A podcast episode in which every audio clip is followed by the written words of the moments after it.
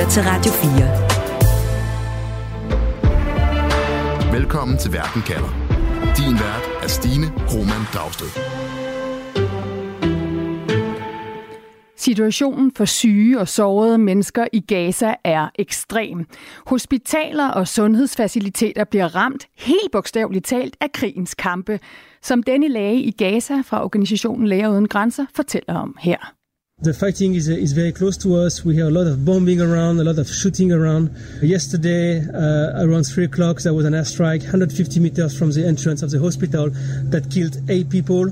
Ja, bombeangreb 150 meter fra indgangen til hospitaler, og dem, der overlever bombeangrebene, men bliver såret, har svært ved at komme til et hospital, for der er kun få ambulancer tilbage til at betjene Gazas 2,3 millioner mennesker, og det er svært at finde sikre veje, som ikke er sønderbumpet, eller hvor der ikke er kampe.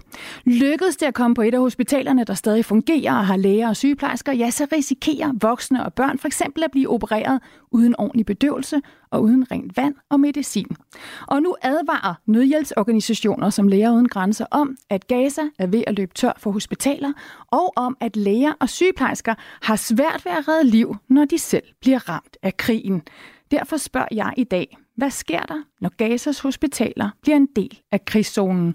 Jeg hedder Stine Krohmann Dragsted. Velkommen til Verden kalder. Du lytter til Radio 4. Og velkommen til dig, Mie Terkelsen. Tak skal du have. Du er sygeplejerske, og så har du selv været i Gaza for nogle år siden og arbejdet på et af hospitalerne i det nordlige Gaza gennem Læger Uden Grænser, som du også er talsperson for. Mie, lad os lige så fast. Kender du nogle af de læger og sygeplejersker, som stadig er i Gaza og forsøger at redde liv lige nu? Jamen det gør jeg. Hele det team, jeg arbejdede sammen med, da jeg selv var dernede i 19, de, de forsøger stadig at, at gøre det bedste, de kan under de her forudsætninger rundt omkring i Gaza. Så jeg kender rigtig mange dernede. Mi, du har fortalt, at de er det første, du tænker på om morgenen, når du vågner, og det er det sidste, du tænker på, inden du går i seng. Du tjekker beskeder på den her WhatsApp-gruppe, som I har. Mm-hmm. Og så fortæller du, at det, der har gjort allermest ondt, det var efter et af jeres hospitaler blev ramt, og der var sådan en larmende stillhed. Hvad fortalte den stillhed der? Men det var på en eller anden måde sådan en, en, en følelse af, af håbløshed, der bare blev helt enormt. Øhm, vi havde, der havde inden da, i, i de første mange dage af den her øh, konflikt, været rigtig mange beskeder derinde. De havde ligesom også været et sted for de her, mine kollegaer, at ventilere og, øh, og, øh, og få hjælp og sparring. Men pludselig efter, at, øh, at der var et angreb på vores hospital, og vi desværre mistede tre kollegaer, så blev der bare pludselig sådan en larmende stillhed inde på beskederne. Og selvfølgelig en ting var man jo bekymret for, om det betød, at der var sket mine kollegaer noget. Man kunne også bare mærke, at det føltes også lidt som om, der bare var sådan en følelse af håbløshed, at de ikke orkede mere, eller der næsten ikke var mere viljekraft tilbage til at kæmpe og til at spørge, hvorfor sker det her for os? Og det synes jeg var næsten hårdere end, end alt det andet. Du har jo selv prøvet med at stå i, i virkelig udfordrende situationer som udsendt sygeplejerske i Gaza, hvor, hvor du og dine kollegaer ikke kunne give den behandling, for eksempel kompliceret kirurgi, som, som en patient skal have for at kunne gå på et ben, ben igen efter, efter knogler og senere er, er smadret. Hvad fokuserer du på? Hvad, hvad fortæller du dig selv for at kunne fortsætte dit arbejde i, i den situation? Jeg tror jo, man alle med en form for sundhedsfaglig baggrund øh, har et eller andet behov for at gøre et eller andet. Altså, jeg kan jo ikke være dernede nu og hjælpe mine kollegaer, men så kan jeg stå her og tale med dig. Øhm, og mine kollegaer dernede tror jeg jo også føler, at der er nødt til at være en følelse af, et, at man stopper om morgenen, noget til at stå op til, og det er, at man kan gøre noget på ingen måde, de forudsætninger, som man burde, og øh, med den rigtige behandling, man burde give, men man kan trods alt gøre noget, og det, det der noget, tror jeg, er det, der, der gør, at man kan eksistere. Mm. Lad mig også øh, byde velkommen til min anden gæst i dag, dig, øh, Julia Råvad. Velkommen tak. til. Tak skal du have. Du er analysechef i Læger Uden Grænser. Du får alle indberetningerne for de folk, I har i blandt andet Gaza. Julia, vi hører hele tiden om hospitaler, der bliver ramt. CNN har brugt satellitbilleder til at vise, at 20 ud af 22 hospitaler i det nordlige Gaza er beskadiget eller, eller sådan helt jævnet med jorden af kraftige bomber. Mm. Hvor mange folk har I i Læger Uden Grænser i Gaza lige nu? Vi har cirka 300 nationalt ansatte, og så har vi omkring 10 internationale øh, som en del af vores indsats. Og de har arbejdet på forskellige hospitaler i øh, Gaza, øh, men er i stigende grad blevet klemt længere ned sydpå. Så vores største indsats lige nu er i, i den øh, grænsebyen ind til Ægypten, der hedder Rafah, hvor vi er til stede på tre hospitaler og nogle primære sundhedsklinikker også med de her omkring 300 øh, nationale og 10 internationale. Hmm. Og det er jo så folk, Julia, som arbejder under ekstreme forhold. Øh, vi har gennem øh, jer fået fortællinger om, at en af jeres læger for eksempel må amputere en fod på en 9-årig dreng på et hospitalsgulv uden ordentlig bedøvelse, mens hans mor og søster ser på om en gravid kvinde, som ikke kan få kejsersnit, øh, som hun har brug for, fordi hospitalet simpelthen er så overfyldt. Hun må tage tilbage til sit telt og føde, og hendes nyfødte søn ender med at dø. Julia, når du hører fra jeres folk i Gaza, hvad er så den største udfordring på hospitalerne i Gaza lige nu, når de forsøger at redde liv? Den allerstørste udfordring er stadigvæk, at krigshandlinger og bombardementerne øh, fortsætter konstant, og det er den største udfordring, fordi det betyder, at øh, hospitaler og sundhedsklinikker bliver sådan ødelagt, som du nævnte, øh, er dokumenteret, øh, men også, at der konstant hver dag kommer nye sårede ind og døde ind, og der er jo omkring øh, øh 100 dødsfald og 200-400 såret om dagen stadigvæk. Og de kommer ind i sådan en masse influx, øh, når der har været bombeangreb. Og det er fuldstændig overvældende for de meget få hospitaler, der er tilbage og håndterer den mængde af patienter. Øh, derudover er der selvfølgelig også mangel på alle de her medicinske øh, øh, forsyninger, både medicin, men også apparater, handsker osv., til at man kan behandle dem, og der er mangel på pladser. Alle hospitalerne er fuldstændig overbelagte øh, og bliver mere og mere overbelagte, som, øh, som de bliver lukket ned en efter en, og som der bliver ved med at komme øh, såret ind. Så det er den virkelighed. Meget få hjælpemidler øh, til at hjælpe med, og meget, mange, mange syge. Og så har jeg slet ikke nævnt alle de andre sygdomme, som også er øh, begyndt at, at opstå øh, infektionssygdomme, fordi folk er fordrevne og bor tæt. Øh, luftvejsinfektioner, diarré osv. Mie, hvad betyder det for den behandling, man kan give, når man står for eksempel som sygeplejerske og ikke har adgang til medicin som antibiotika? Jamen, det har jo store konsekvenser for befolkningen dernede. Øh, vi snakker jo, jeg læste lige i dag om, at WHO skriver, at vi nu snakker omkring øh, mere end 63.000 sårede dernede. Og hvis de her sårede ikke får den rette behandling med det samme, som er ordentlig antibiotika og ordentlig sårbehandling, så er der jo kæmpe risiko for infektioner, risiko for amputationer, øh, risiko for, at man, får, øh, at man reelt kan dø af det, der jo ikke øh, initielt var det, altså man, man døde jo ikke af krigsskaden, man døde af den mangel på behandling, som man, man ikke fik bagefter, ikke? Eller den behandling, man ikke fik. Øhm, og vi har jo vi har hørt om, at mere end 1000 børn i Gaza er blevet amputeret. Det er jo fuldstændig ekstreme tal. Og en amputation er jo ikke bare en operation, og så er det overstået. Det er jo et langt, langt forløb af øhm, sårpleje, rehabilitering, øhm, risiko for infektioner og alt muligt andet. Hvis man ikke har de rette remedier til det, jamen så er udsigterne for de her børn og de her mennesker i det hele taget jo øhm, håbløse. Hmm. Og Julia, det siger du jo, I ikke har nu. Altså, der er ikke de rette remedier. Der mangler materiale, der mangler medicin, der mangler personale. Hvad kan I overhovedet gøre udefra for at hjælpe jeres læger, jeres sygeplejersker under de her katastrofale vilkår? Øhm, vi gør alt det, vi kan med meget få øh, midler, og jeg synes, øh, at mine lokale kollegaer al respekt for, hvor kreative de har været i at omtænke behandlingen og få de, den medicin, der er til at strække lidt længere, øh, bruge andre øh, måder til at rense sorg og så videre. Så øh, en kreativitet at gå på mod, som er helt unikt og meget rørende, det er en ting, vi kan gøre. Øhm, og og så er det så også meget trist for mig at sige, at der er grænser for, hvad vi kan gøre. Øh, jeg fik en besked fra en af vores kollegaer her bare i går, hvor han siger, at det her det er ikke en rigtig humanitær nødhjælpsoperation, som vi kan lave andre steder øh, i verden, fordi vi er så begrænset i, øh, i omstændighederne den blokade, der har været siden 7. oktober, betyder, at der er ingenting, der kommer ind, ikke nok til den mængde patienter, der er. Så det er ikke en rigtig humanitær operation, som vi egentlig gerne vil. Vi skal have flere mennesker og mere medicin ind. Men når man så også hører de historier, du selv nævner der, og jeg har også mange andre historier om møder, der kommer ind med børn, der er forbrændte, og de selv forbrændte. Så hver evig eneste menneskeliv, vi kan redde, hver evig eneste patient, vi kan hjælpe en lille smule, er jo også alt det værd. Øh, der tror jeg, at, at det er det, der må håbe, holde håbet en lille smule op. Det er, at dem har vi det mindste hjulpet. Hmm. I har måttet efterlade patienter, som nok ikke kunne overleve i det nordlige Gaza, fordi I måtte evakuere, Julia. Ja, og det er den absolut værste situation at stille øh, en læge eller sygeplejerske eller sundhedspersonale eller nødhjælpsaktør overfor. Det at være tvunget til at evakuere velvidende, at der stadigvæk ligger patienter på hospitalerne.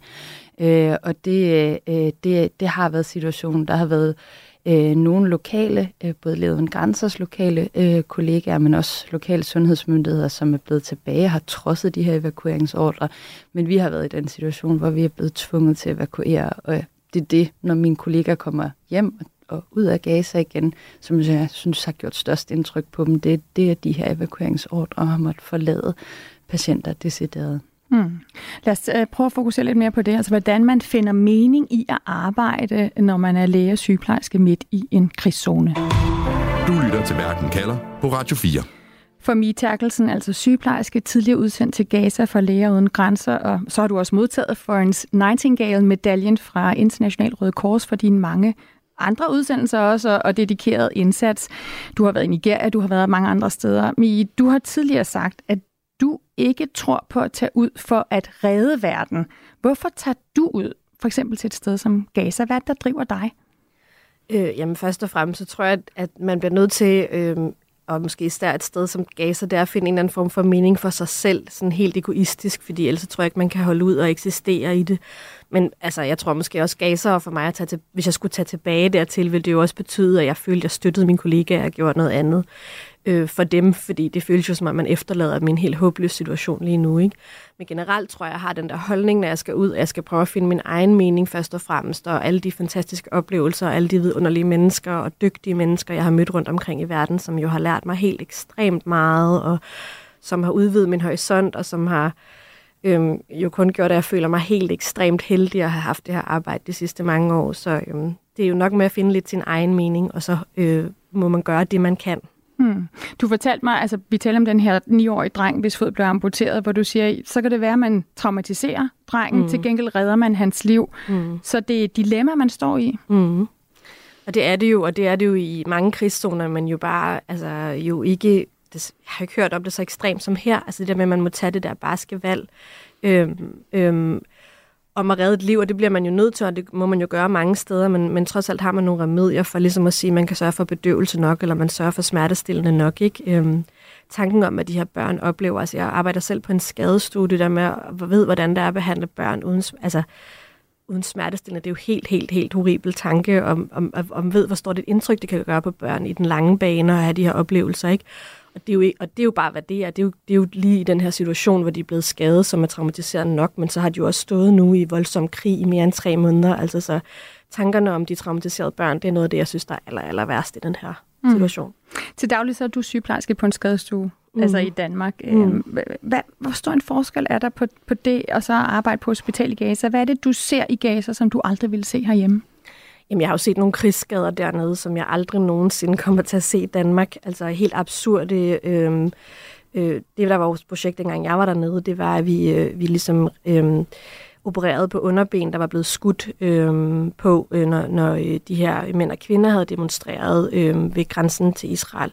Øh, så vi opererede underben og prøvede at forsøge at få dem til at, at gå igen og få et liv og øh, rehabilitere dem så vidt muligt. Så nogle krigsskader altså, det ser man jo bare ikke i Danmark, øh, heldigvis, men, men jo også øh, altså, absurditeten i de skader var jo helt vildt voldsomme. Altså. Hmm. Julia Råvad, analysechef i Leveren Grænser. I er vant til at sende folk som Mie Terkelsen ud i arbejde i konfliktzoner. I sender folk til Sudan, I sender folk til Afghanistan, men, men i Gaza, der har vi at gøre med en krig på et meget lille sted. Ikke? Altså Gaza er på størrelse med Langeland. Folk kan ikke flygte fra Gaza. Hvad er det for læger og sygeplejersker, som I sender afsted til en krigszone som Gaza? Hvad, hvad kendetegner de personer? Altså jeg vil sige øh, to, øh, to forskellige øh, ting. Den ene del er jo, at vi, øh, at vi kigger efter, hvilke kompetencer, der mangler øh, sådan helt øh, medicinsk. Hvilken slags kirurg, hvilken slags anestesilæge, hvilken slags sygeplejerske, sådan noget, der er brug for. Øh, også som hospitalerne er lukket ned, øh, og vi har måtte søge hen og hjælpe til på nye hospitaler. Hvad er det så lige det her specifikke hospital har brug for? Så vores øh, profiler ændrer sig alt efter det. Og så er det selvfølgelig også nogle rigtig gavede nødhjælpsarbejdere. Vi vil aldrig sende nogen afsted første gang, de skal ud øh, i verden og hjælpe øh, til Gaza, men nogen, der har prøvet det her før, som bekendt med den risici, der er involveret i at, at komme afsted.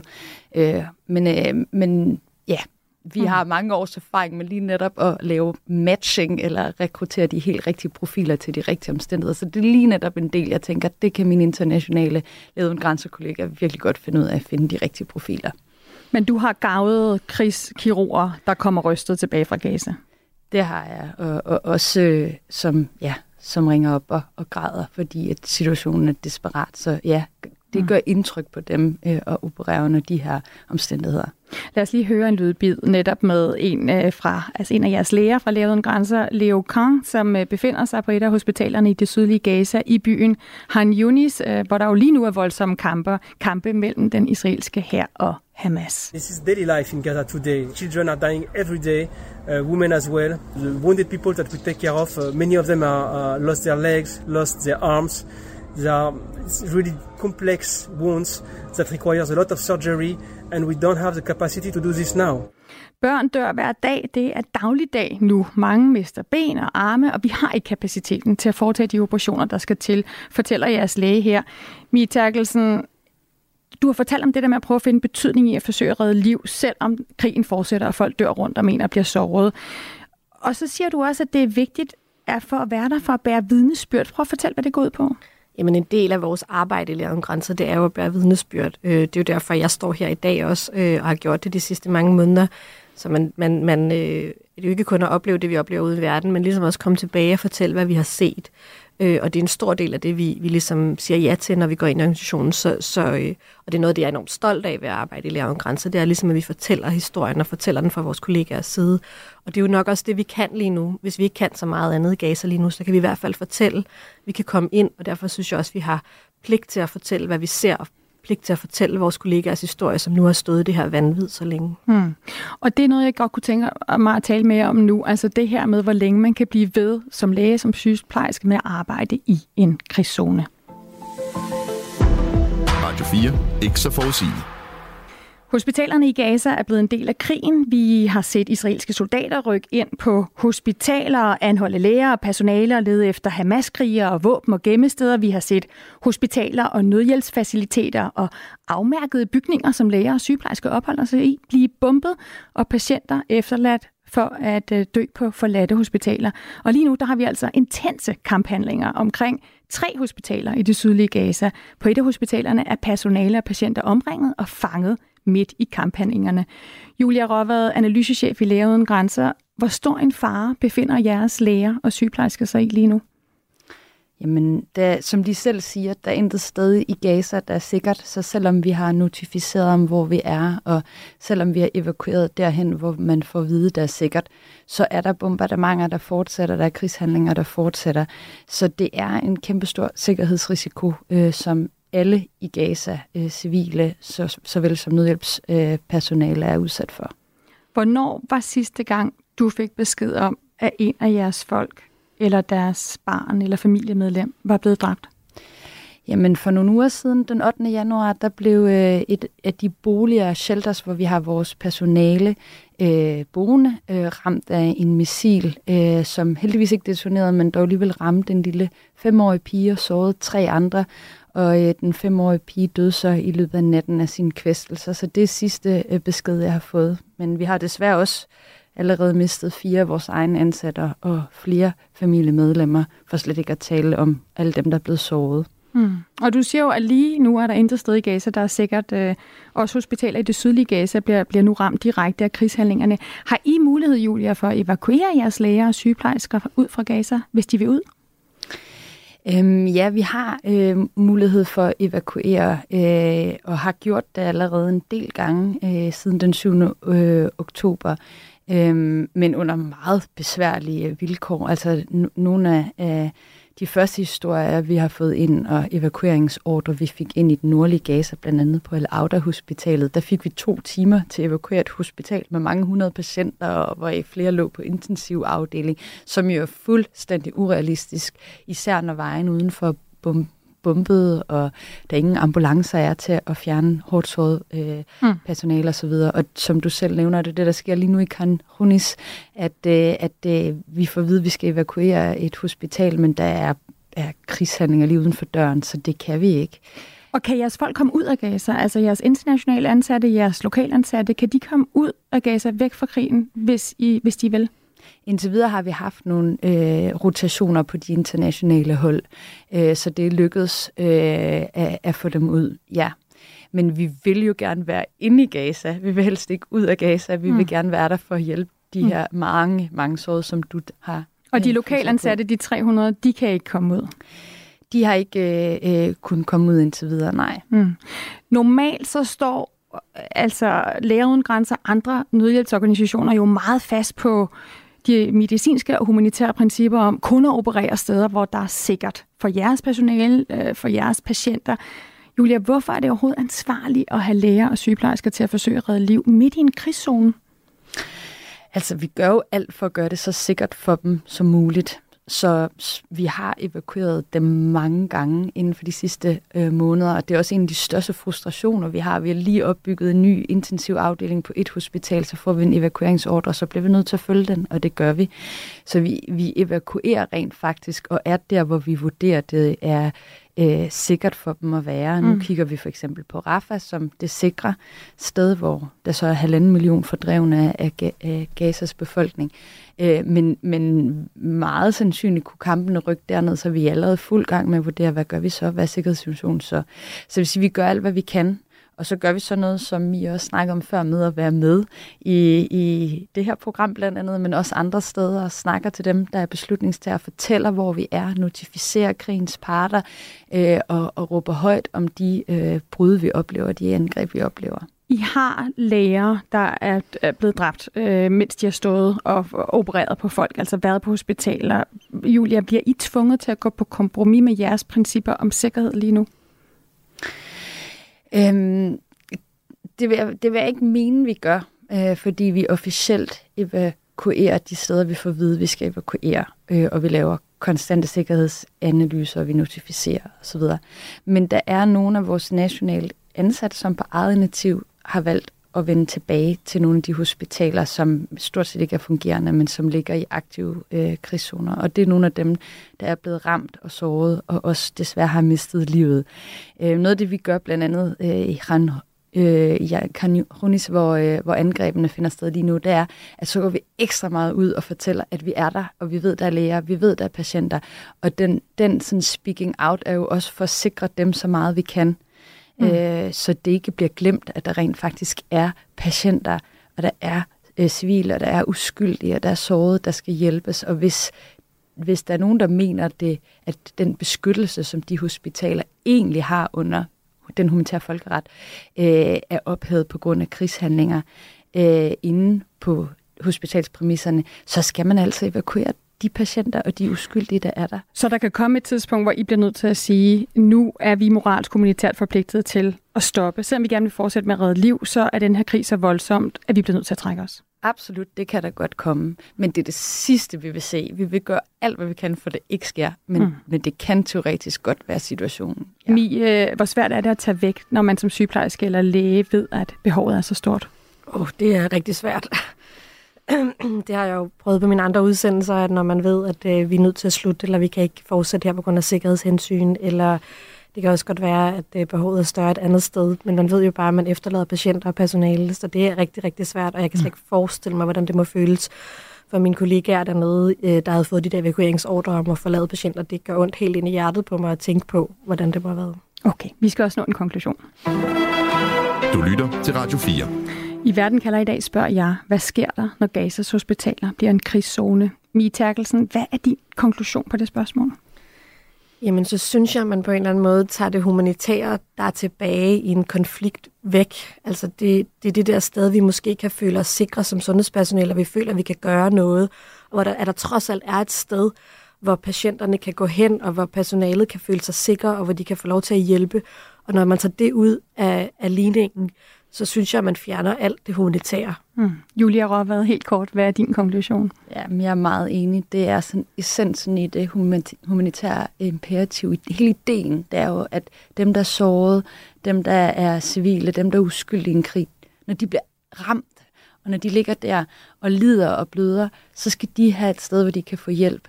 Øh, mm. Og når krampene rykker ind på hospitalerne, så sker der, at de bliver glemt, og de ikke kan reddes, og deres liv ikke kan reddes. Tusind tak, altså Julia Rovvad, analysechef i Læger Uden Grænser, og Mie Terkelsen, sygeplejerske, der har været i, i Gaza med Læger Uden Grænser. Selv tak. Tak fordi vi måtte være med. Programmet her var tilrettelagt af mig, Stine Krohmann Dragsted. Camilla Højækkers er redaktør. Du har lyttet til en podcast fra Radio 4. Find flere episoder i vores app, eller der, hvor du lytter til podcast. Radio 4. Ikke så forudsigeligt.